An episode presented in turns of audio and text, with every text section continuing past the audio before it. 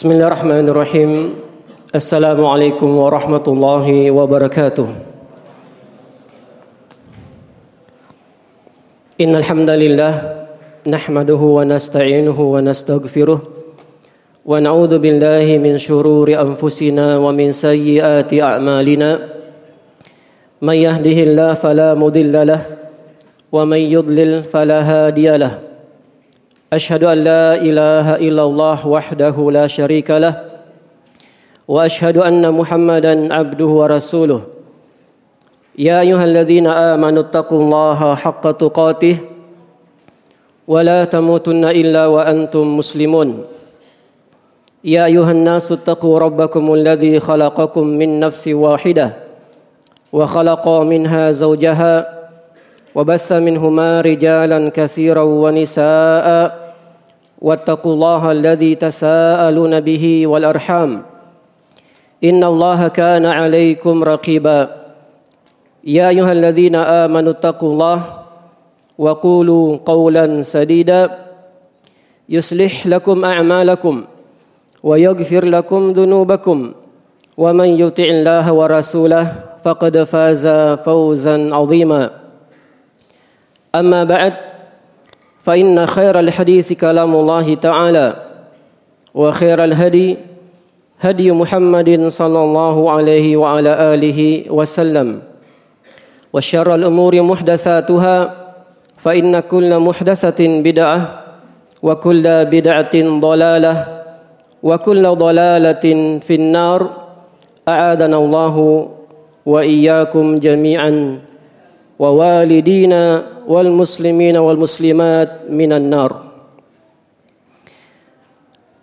kaum muslimin wal muslimat ikhwani wa akhwati fillah rahimani wa rahimakumullahu taala jami'an Alhamdulillah marilah kembali kita senantiasa membasahi lisan kita dengan kalimat tahmid memuji dan bersyukur semata kehadirat Allah Subhanahu wa taala atas limpahan nikmat dan curahan kasih sayangnya yang terus Allah Subhanahu wa taala anugerahkan kepada kita sekalian. Terutama kita masih diberikan nikmat penghambaan di atas ibadah yang agung di bulan yang agung di bulan suci Ramadan guna kita mengatakan diri kita kepada Allah Subhanahu wa taala meraih pengampunannya surganya rahmatnya dan agar kita semuanya dijauhkan dari api neraka Allah Subhanahu wa taala. Kita bermohon kepada Allah Subhanahu wa taala agar senantiasa memberikan kepada kita taufik di atas apa yang Allah Subhanahu wa taala cintai dan diridhai terutama di atas penghambaan yang agung di bulan suci Ramadan ini. Nas'al subhanahu wa ta'ala ay yaj'alana mimman sama Ramadan wa qamahu imanan wa ihtisaba. Dan semoga Allah Subhanahu wa taala sebagaimana telah mengumpulkan kita pada hari ini di malam ketujuh ini di Masjid Jannatul Firdaus dalam penghambaan kepada Allah Subhanahu wa taala kita memohon juga kepadanya dengan rahmat Allah Subhanahu wa taala semata agar mengumpulkan kita kelak di hari akhirat di Jannatul Firdaus di sisi Allah Subhanahu wa taala. Allahumma amin. Kaum muslimin wal muslimat, ikhwani wa akhwati fillah rahimani wa rahimakumullahu taala jalan menuju surga Allah Subhanahu wa taala. Telah Allah Subhanahu wa taala paparkan kepada kaum muslimin kepada hamba-hambanya. Dan surga tersebut adalah kampung halaman kita semuanya. Bapak kita Nabiullah Adam alaihissalam tempat tinggal pertamanya adalah di dalam surga Kemudian karena suatu dosa yang dilakukan oleh beliau alaihissalam maka beliau diturunkan ke muka bumi. Namun Allah tidak semata menurunkan beliau bersama istrinya ke muka bumi kecuali Allah telah menjelaskan dan menurunkan petunjuk kepada beliau agar kita kembali ke kampung halaman kita sekalian. Allah Subhanahu wa taala menegaskan qulna bitu minha jami'a fa imma ya'tiyannakum minni huda faman tabi'a hudaya fala khaufun alaihim wala hum yahzanun. Kami firmankan kepada Adam dan istrinya ihbitu minha jami'a. Turunlah kalian ke muka bumi seluruhnya kemudian Allah Subhanahu wa taala memesankan petunjuk fa imma ya'tiyannakum minni huda dan apabila ketika kalian berjalan hidup di muka bumi datang kepada engkau petunjuk dariku. Perhatikan minni huda. Dari saya dari Allah Subhanahu wa taala petunjuk tersebut. Iya.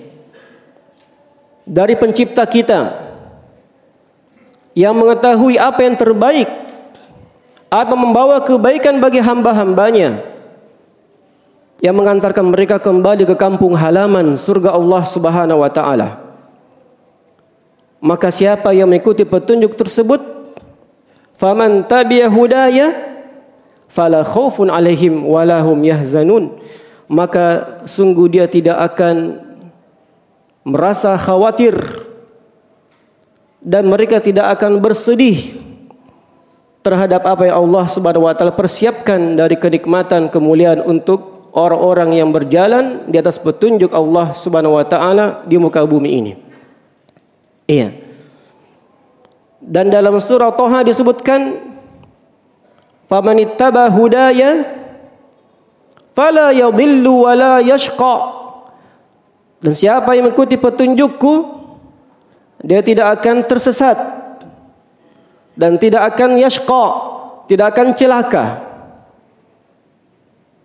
Ahli tafsir dari kalangan sahabat bernama Abdullah bin Abbas radhiyallahu taala anhuma menafsirkan ayat ini fala yadhillu fid dunya wala yashqa fil akhirah.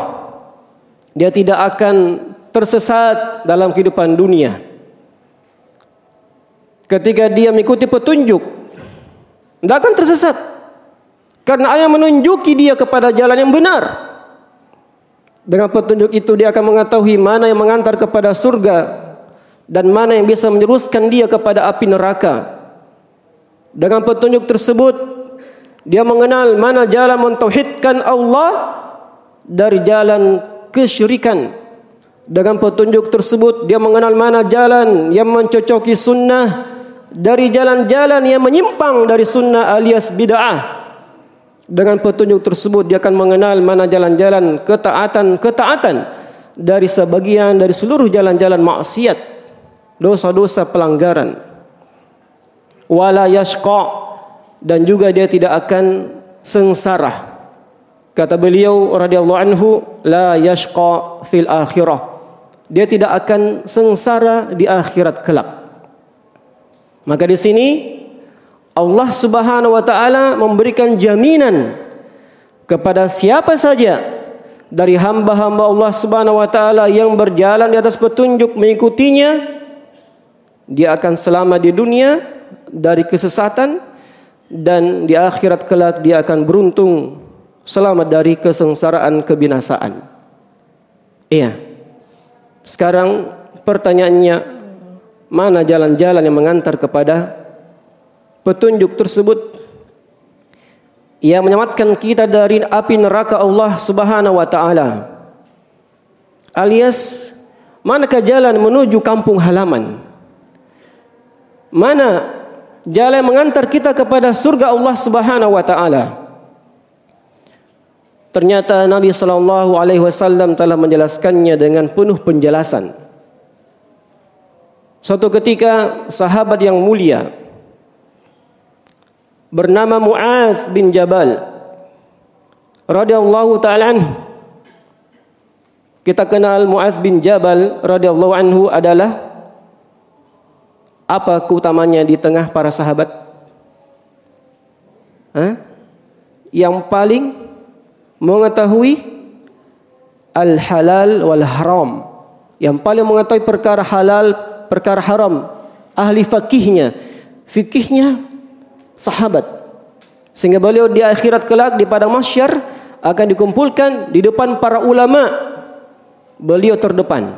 Ini Muaz bin Jabal radhiyallahu taala Namun bersama dengan itu, bersama dengan keutamaan yang beliau miliki, ternyata dia bertanya kepada Nabi sallallahu alaihi wasallam, "Ya Rasulullah, akhbirni bi'amalin yudkhilunil jannah wa yuba'iduni 'anil nar." Wahai utusan Allah, kabarkan kepada saya suatu amalan yang akan membuat saya dengan amalan tersebut masuk ke dalam surga. Dan dengan amalan tersebut menjauhkan saya dari api neraka. Ini pertanyaannya sahabat. Ya. Pertanyaannya ahli fikihnya sahabat.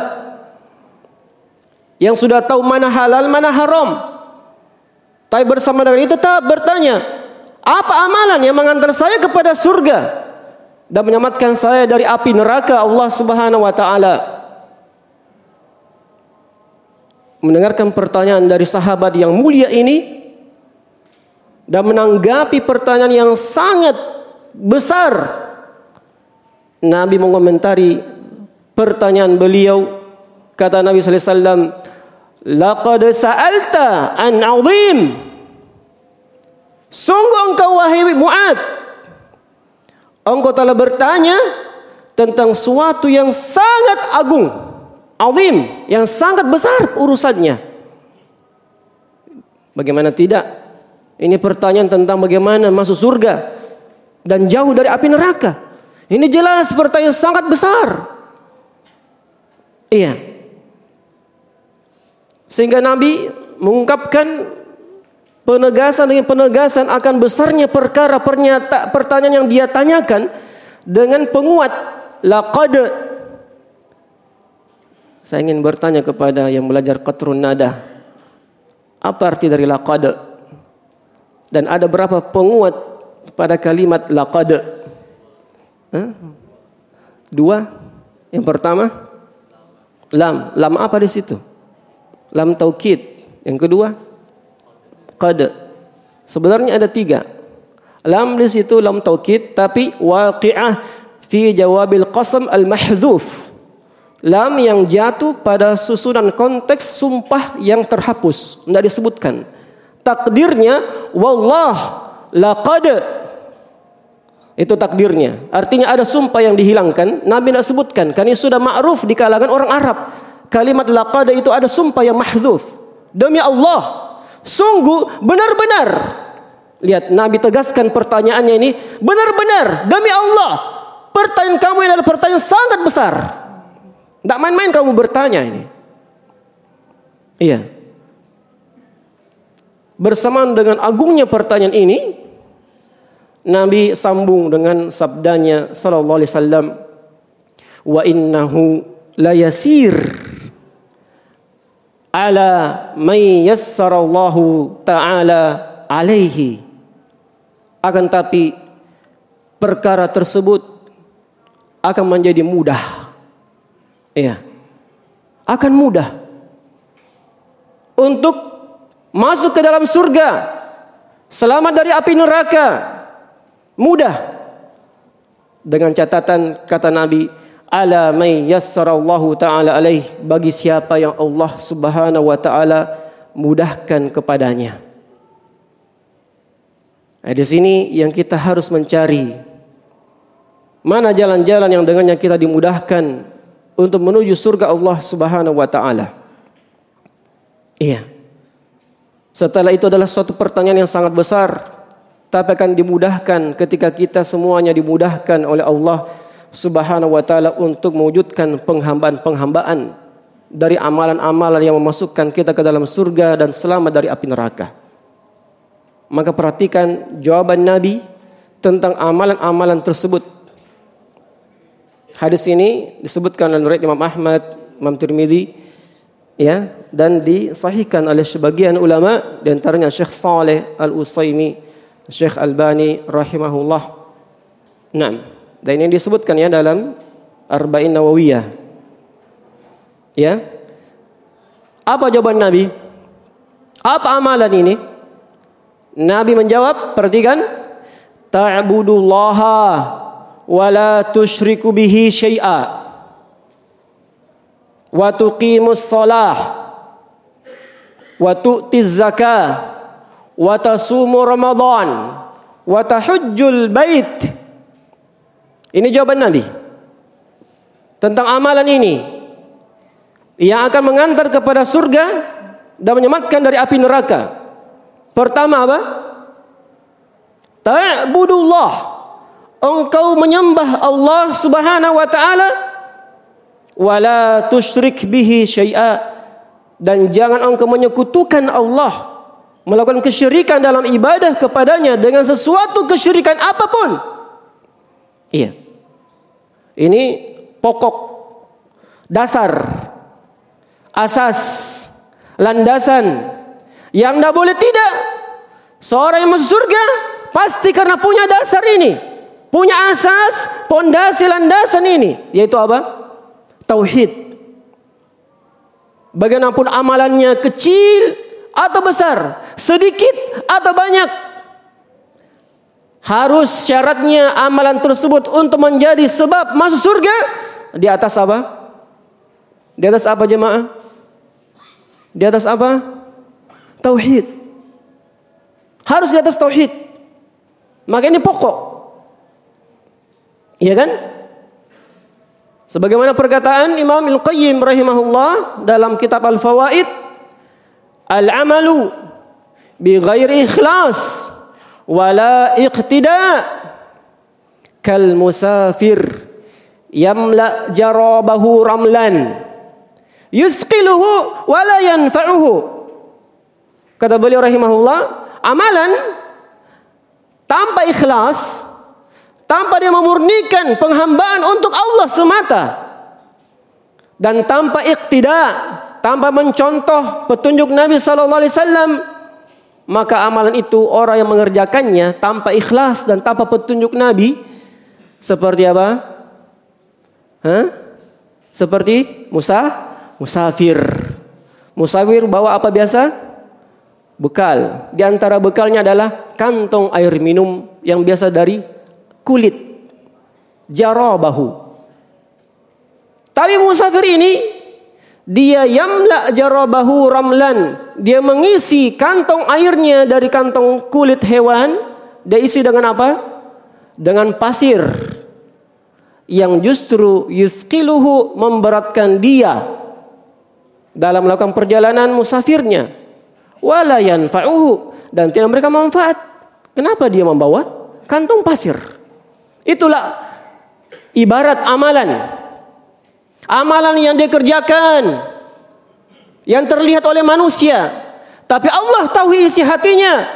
Dia tidak mentauhidkan Allah. Ada tendensi duniawi yang diinginkan dari amalannya. Tidak ikhlas. Maka amalannya sekedar amalan dia tegak berdiri salatkah qiyamul lailkah namun memberatkan dirinya saja. Hanya letih hanya capek yang dia dapatkan enam hal ataka hadisul ghashiyah wujuhu yawma idzin khashi'ah amilatun nah nasibah ini gambaran orang yang beramal tanpa ikhlas. Wujuhu yaumaidin khasyiah. Pada hari kiamat ada wajah-wajah yang tunduk terhina. Kenapa? Karena dulu di dunia mereka dari golongan hamba amilatun beramal tapi sekedar nasibah hanya keletihan yang dia dapatkan. Iya. Dan ini ada mirip dengan sabda Nabi SAW terkait dengan Qiyam Ramadan.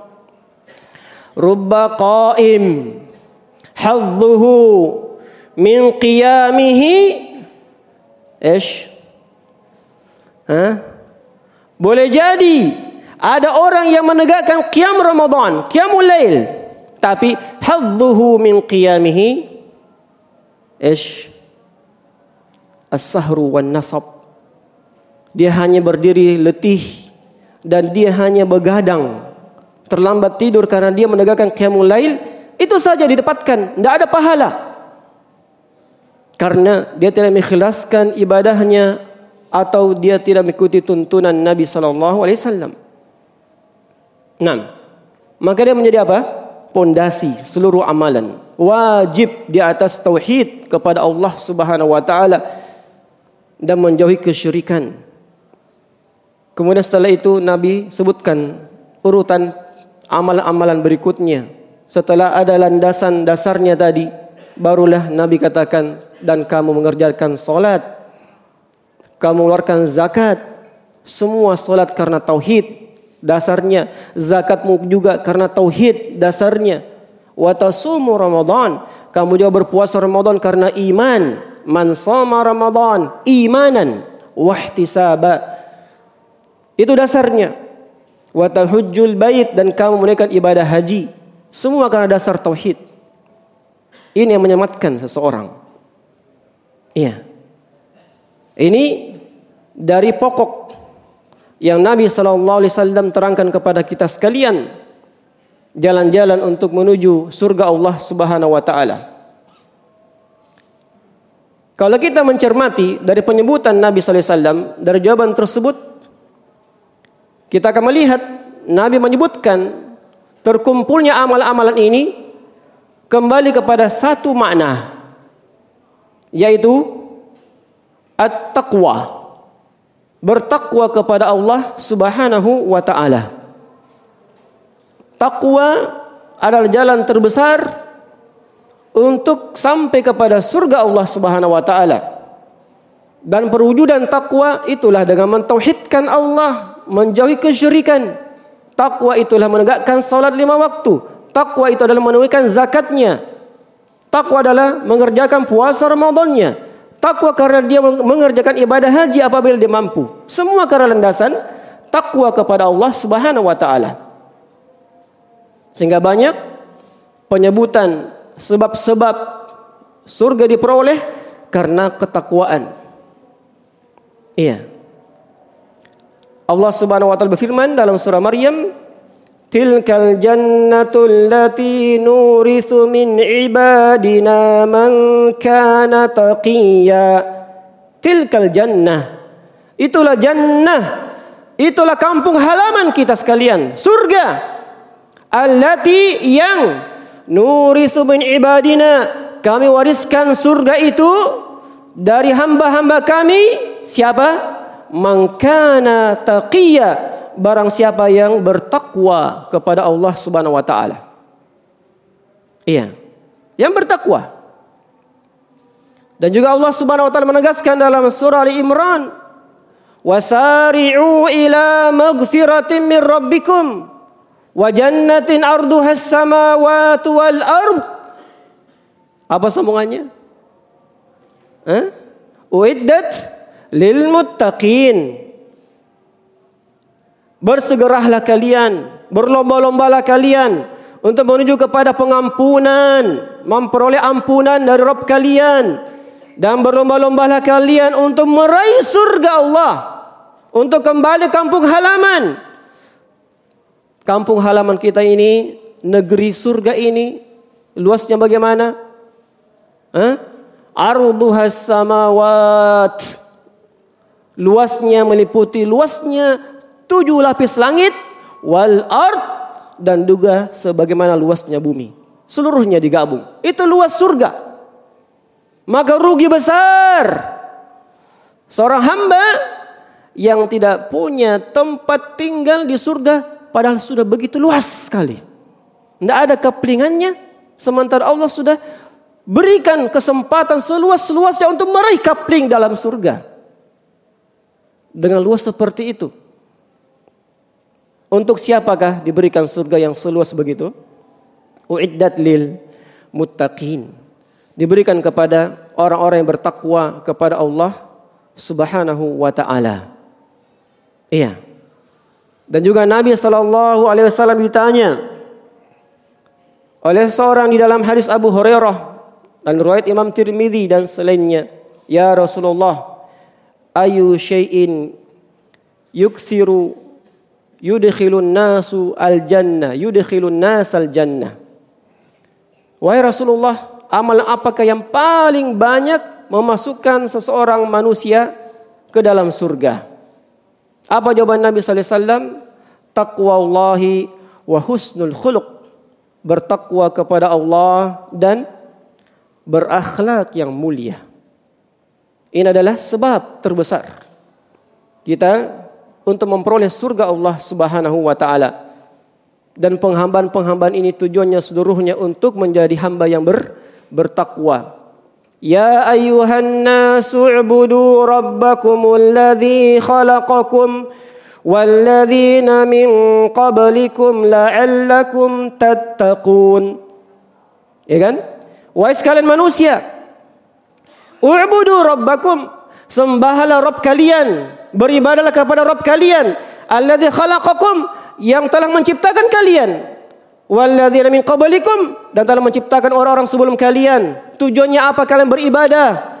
La'allakum tattaqun agar kalian menjadi hamba yang bertakwa kepada Allah Subhanahu wa taala. Ini. Dan takwa kita mengetahui makna dari takwa tersebut yang sering kita dengarkan di antaranya dari penafsiran Imam Talaq bin Habib rahimahullahu taala at-taqwa an ta'mala bi ta'atillah ala nuri minallah tarju sawaballah wa tatruka ma'asiyatallah ala nuri minallah takhaf iqaballah. Takwa itu adalah engkau mengamalkan ketaatan. Di atas cahaya nur. Cahaya ini apa? Ilmu agama. Beramal bukan sekedar beramal tanpa ada petunjuk harus di atas keterangan harus ada dalil yang menerangkan ini adalah suatu amalan. Baru kemudian niatnya dia beramal dengan ilmu itu tarju sawaballah karena mengharapkan pahala di sisi Allah. Dan takwa pula adalah antatruka ma'asiyat Allah. Engkau menjauhi meninggalkan maksiat kepada Allah Subhanahu wa taala juga karena ilmu, keterangan dalil yang kamu tahu tentang bahayanya ini dosa, bahaya kesyirikan, bahaya bid'ah, bahaya zina, riba, khamar dan seterusnya dari dosa-dosa. Di atas cahaya ilmu dia tinggalkan. Kenapa dia tinggalkan? Takhaf karena kamu takut iqab Allah, siksaan Allah. Itu takwa. Kata Talak bin Habib rahimahullah. Iya. Maka jalan-jalannya ini terwujud kepada perwujudan takwa. Dengan kalau cabang-cabangnya begitu banyak cabang-cabang ketakwaan untuk kita wujudkan.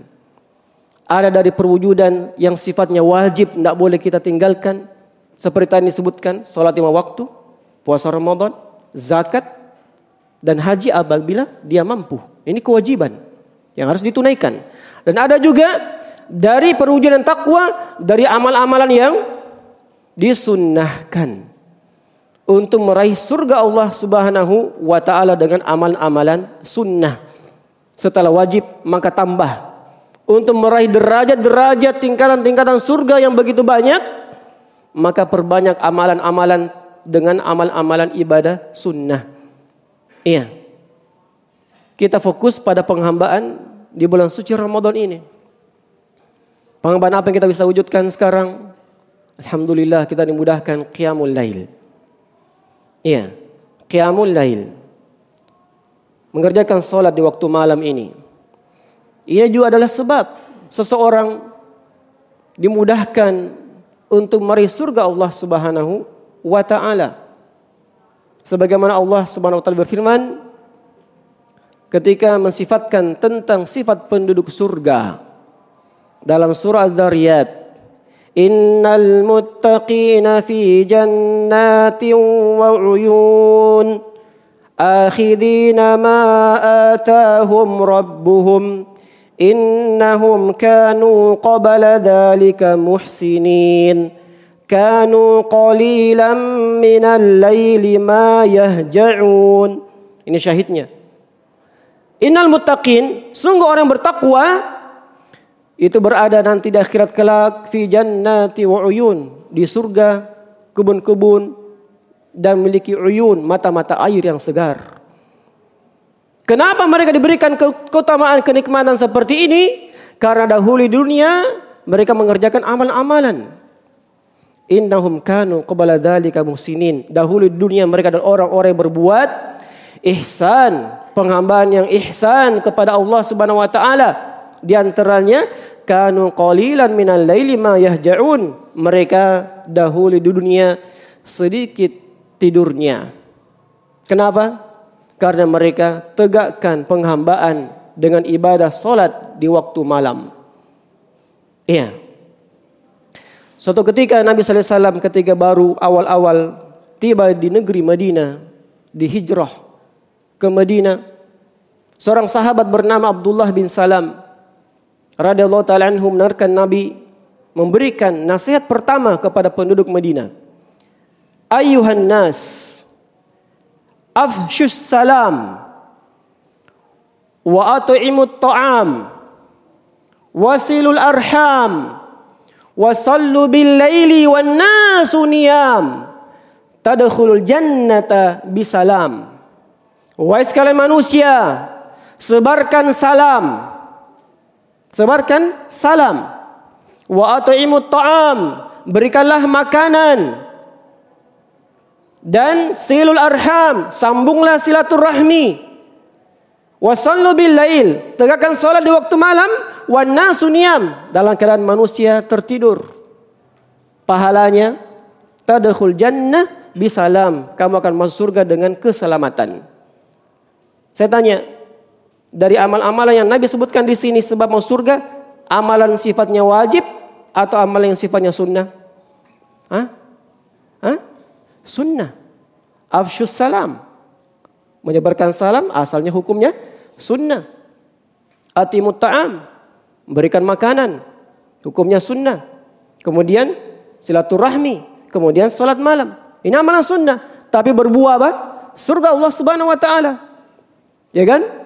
Dan juga disebutkan dalam surah Sajadah تتجافى جنوبهم عن المضاجع يدعون ربهم خوفا وطمعا ومما رزقناهم ينفقون فلا تعلم نفس ما أخفي لهم من قرة أعين جزاء بما كانوا يعملون sisi mereka tatajafa junubuhum Sisi mereka itu menjauh dari pembaringan. Maknanya apa? Mereka meninggalkan tidur. Mereka tinggalkan tempat tidurnya. Karena apa? Menegakkan penghambaan qiyamul lail. Yad'una rabbahum khawfan wa tama'a. Dalam penghambaan mereka berdoa kepada Allah dengan penuh rasa takut dan mengharapkan surga Allah Subhanahu wa taala. Ini sifat mereka. Wa mimma razaqnahum yunfiqun dan dari sebagian rezeki mereka mereka infakkan kemudian Allah berikan balasan terhadap amalan mereka ini fala ta'lamu nafsum ma ukhfiya lahum min qurrati ayun. Maka setiap jiwa tidak akan mengetahui tidak ada akan mengetahui akan apa yang Allah siapkan yang Allah rahasiakan. Ukhfiya lahum. Allah rahasiakan untuk mereka dari apa? Qurrata ayun. Dari kenikmatan yang menunjukkan pandangan mereka di hari kiamat kelak karena apa? Jazaan bima kanu ya'malun. Sebagai balasan dari apa yang mereka amalkan di dunia. Nabi SAW menegaskan Allah berfirman dalam hadis Qudsi. Inna inna li'ibadis salihin fiha ma la ainun ra'at wala udhunun sami'at wala khatar ala qalbi bashar. Sungguh saya persiapkan untuk hambaku. Kata Allah, Inni a'dadtu li'ibadis salihin. Saya persiapkan untuk hambaku yang soleh Persiapan untuk apa? Mereka akan masuk ke dalam surga. Yang surga tersebut fiha ma la ra'at. Padanya ada kenikmatan yang tidak pernah dilihat oleh mata, tidak pernah terdengar oleh telinga, tidak pernah terbetik di dalam hati seseorang. Ini karena apa? Amal-amalan dari penghambaan yang kita wujudkan di dunia ini. Semoga Allah SWT memudahkan kita seluruhnya untuk meraih penghambaan-penghambaan yang mengantar kita semuanya kepada surga Allah Subhanahu wa taala. Wallahu taala alam. Subhanahu hamdik asyhadu an la ilaha illa anta astaghfiruka wa atubu. Assalamualaikum warahmatullahi wabarakatuh.